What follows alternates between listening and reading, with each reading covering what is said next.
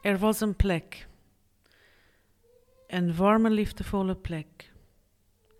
Een mooi houten huis vol met bloemen.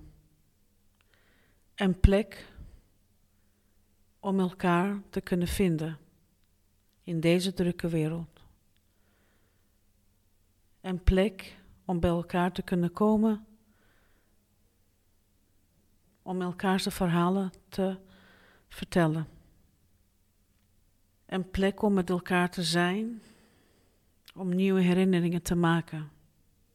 Een plek om even te kunnen rusten, genieten in elkaar gezelschap. Mijn vakantie met mijn gezin in noorden van Iran bij mijn familie. Klaarders was die plek.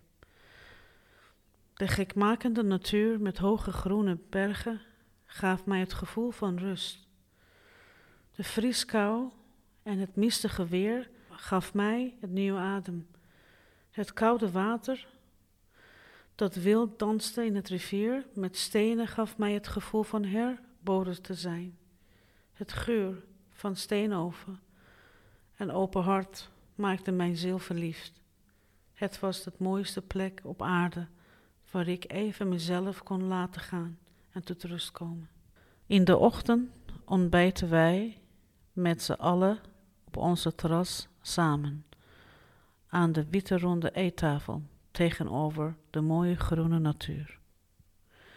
Met vers gebakken brood, oud zelfgemaakte Iraanse kaas, noten, gekookte eieren, natuurlijk lekker vers gezette thee, begon onze ontbijt.